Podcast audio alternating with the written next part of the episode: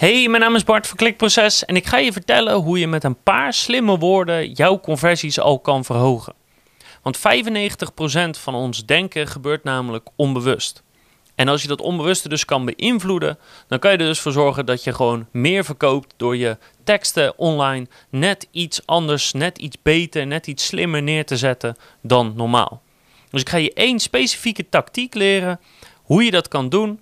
En natuurlijk hele praktische tips en voorbeelden met hoe je dat exact moet doen, zodat ook jij dit precies kan implementeren voor jouw website of shop. Welkom bij Klikproces met informatie over betere rankings, meer bezoekers en een hogere omzet. Elke werkdag praktisch advies voor meer organische groei via SEO, conversieoptimalisatie, YouTube en voice. En wat ik ga uitleggen is een neuromarketing techniek en die heet semantic priming. In het Nederlands heet dat dan semantisch voorbereiden of zo, maar dat klinkt voor geen meter, dus laten we het houden op semantic priming. Dus wat is semantic priming precies? Semantic priming is het fenomeen dat beschrijft hoe we onbewust verband leggen tussen dingen die tot dezelfde semantische categorie behoren. Of in het normaal Nederlands, het woord semantic uh, refereert naar zeg maar, dingen die op elkaar lijken, die uh, semantisch verband hebben met elkaar. En priming, dat slaat op voorbereiding of voorbereidend. Dus simpel gezegd, als jij bepaalde dingen zegt of vertelt, dan zorgt dat er automatisch voor dat mensen onbewust gaan nadenken over zaken die gelinkt zijn aan wat jij net vertelt, die daar een semantische categorisering mee hebben. Nou, dan klinkt dat nog wat vaag, maar het is eigenlijk heel makkelijk. Om dat te laten zien, ga ik wat voorbeelden geven van semantic priming. Bijvoorbeeld als je aan een hond denkt, denk je ook relatief snel aan een wolf omdat die beesten heel erg op elkaar lijken en tot dezelfde categorie beesten behoren. Denk bijvoorbeeld ook aan wolken en regen, iets wat je altijd tegelijk tegenkomt. Plakkerigheid en plakband bijvoorbeeld. Uh, mannen en vrouwen, omdat het zo vaak tegelijk wordt gebruikt. Een cirkel en een vierkant. Een sinaasappel en een mandarijn. Een mes en een vork. Of bijvoorbeeld iets vager, zoals uh, Audi en BMW en luxe. Dus dat is semantic priming, omdat je die woorden eigenlijk vaak uh, tegelijk tegenkomt of in dezelfde categorie tegenkomt. Dus dat ze voor je gevoel tot ongeveer hetzelfde behoren. Maar je kan ook semantic priming hebben omdat de klank redelijk hetzelfde is. Dus bijvoorbeeld stoel en doel, tafel en wafel, beter en meter. Dus gewoon woorden die redelijk op elkaar lijken, qua klank en hoe je het schrijft misschien ook, maar die niet per se iets met elkaar te maken hebben. Dat zijn zeg maar de twee manieren waarop je semantic priming kan toepassen. En ik ga je nu een prachtig voorbeeld geven om je heel duidelijk te maken wat de kracht kan zijn van semantic priming als je dat goed toepast. Dus hier is een semantic priming voorbeeld, maar dan moet je wel even met me meedoen.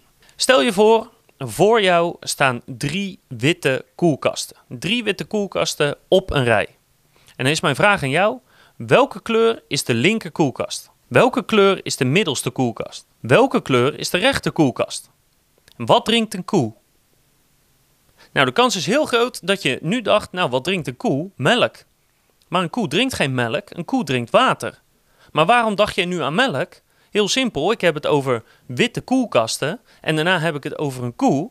Dus ja, je denkt wit, koelkast, Melk, dat is een heel mooi voorbeeld van hoe semantic priming dus werkt. Dus door bepaalde dingen te zeggen, ga je al onbewust een associatie vormen. En als ik dan het woord koe naar voren schuif, dan denk je opeens aan melk in plaats van dat je denkt aan water. Oh, en dat je niet denkt dat ik het vergeet dat een koe natuurlijk melk geeft. Hè? Dat snap ik. Dat is natuurlijk ook een associatie. Nee, dat je niet denkt dat ik dat niet wist. Oh, en uiteraard is het feit dat een koe melk geeft natuurlijk ook wel een behoorlijke associatie. Dat je niet denkt dat ik daarvan niet op de hoogte was. Maar zo zijn er nog wel meer mooie voorbeelden. En het, het meest prachtige voorbeeld hiervan, wat ik zo'n beetje kan geven, dat is uh, eigenlijk helemaal geen voorbeeld van mij, maar een voorbeeld van Darren Brown. Nou, als je Darren Brown niet kent, dat is een, ja, zeg maar een, een illusionist. Het is, het is gewoon een artiest, maar hij doet wat illusies, hij doet wat goocheltrucs, maar hij doet ook wat, wat mindfucks. En hier heeft hij echt een hele prachtige over gemaakt. Nou, Let erop dat wat ik zo meteen ga laten zien bevat heel veel beïnvloedingsprincipes. Dus niet alleen maar semantic priming. Maar ik kan wel heel mooi in beeld brengen of in kaart brengen hoe hij semantic priming toepast. Dus Darren Brown gaat een gesprek voeren met Simon Peck. Dat is een bekend iemand uit, uit Engeland, onder andere een schrijver.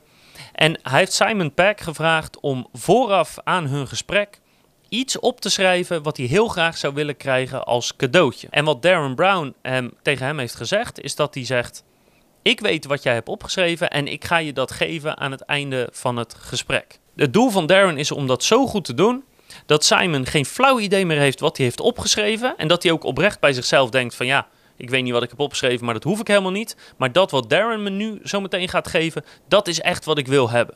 Dat is het doel van Darren. Dus hij gaat hem compleet van de kaart brengen en zorgen dat hij wat hij ooit heeft opgeschreven, dat hij wilde als cadeau, gewoon niet meer weet of niet meer snapt of denkt dat hoef ik niet.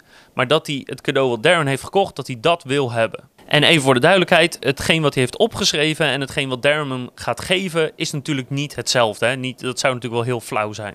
Dus hier komt een stukje van het gesprek tussen Darren Brown en Simon Peck. Let me explain to you how I buy gifts or presents for people, all right? And this is the best way to handle, bar none, the, the, the problem of, you know, what to settle for when you're going to buy gifts for somebody that's a little bit difficult to buy for, all right? Now, what I do is rather than recycle the same sort of two tired bottles of wine or, or box of chocolates, which are no fun to receive, I go out and I buy anything, and then I make that person fall in love with it, all right? By creating a strong feeling of desire for that object. Does that make sense? Yeah. yeah? Nou, nu is mijn eerste vraag aan jou. Valt je iets op aan wat Darren zegt? Of de manier waarop hij het zegt? Of de woorden die hij gebruikt? Hè? Want we hebben het natuurlijk over semantic priming.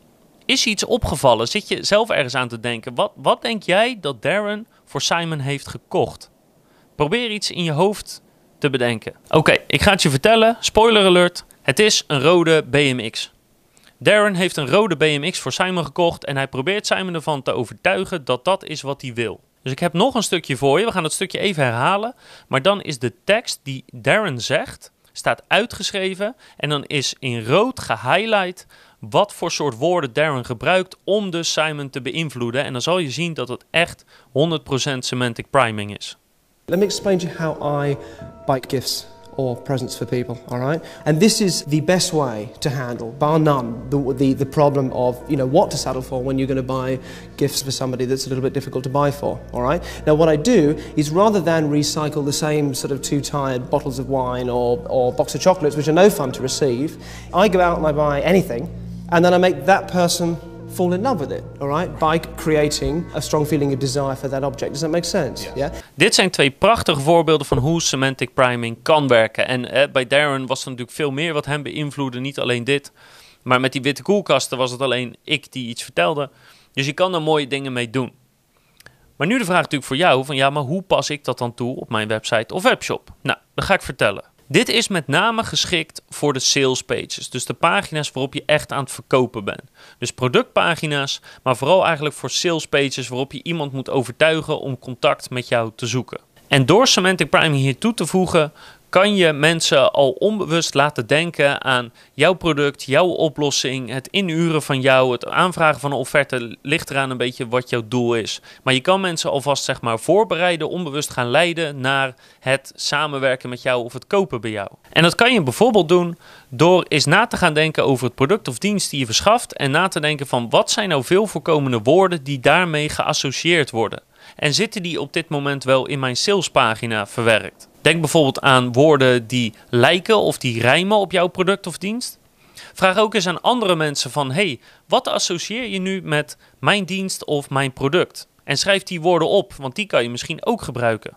Wat ook heel grappig is, is dat je een soort 30 seconds gaat spelen, maar dan over je product of dienst. En dat is namelijk dat je aan iemand vraagt: hey, dit is mijn dienst, ik ben, uh, weet ik wat, cameraman. Wil je mijn, mijn beroep of mijn dienst of mijn product eens beschrijven? zonder dat je specifiek mijn product of dienst mag noemen. En afhankelijk van hoe mensen het dan gaan beschrijven, is een hele goede indicatie met wat ze dus associëren met jouw product of dienst. Dus ook dat zijn hele goede woorden om mee te nemen in je sales copy.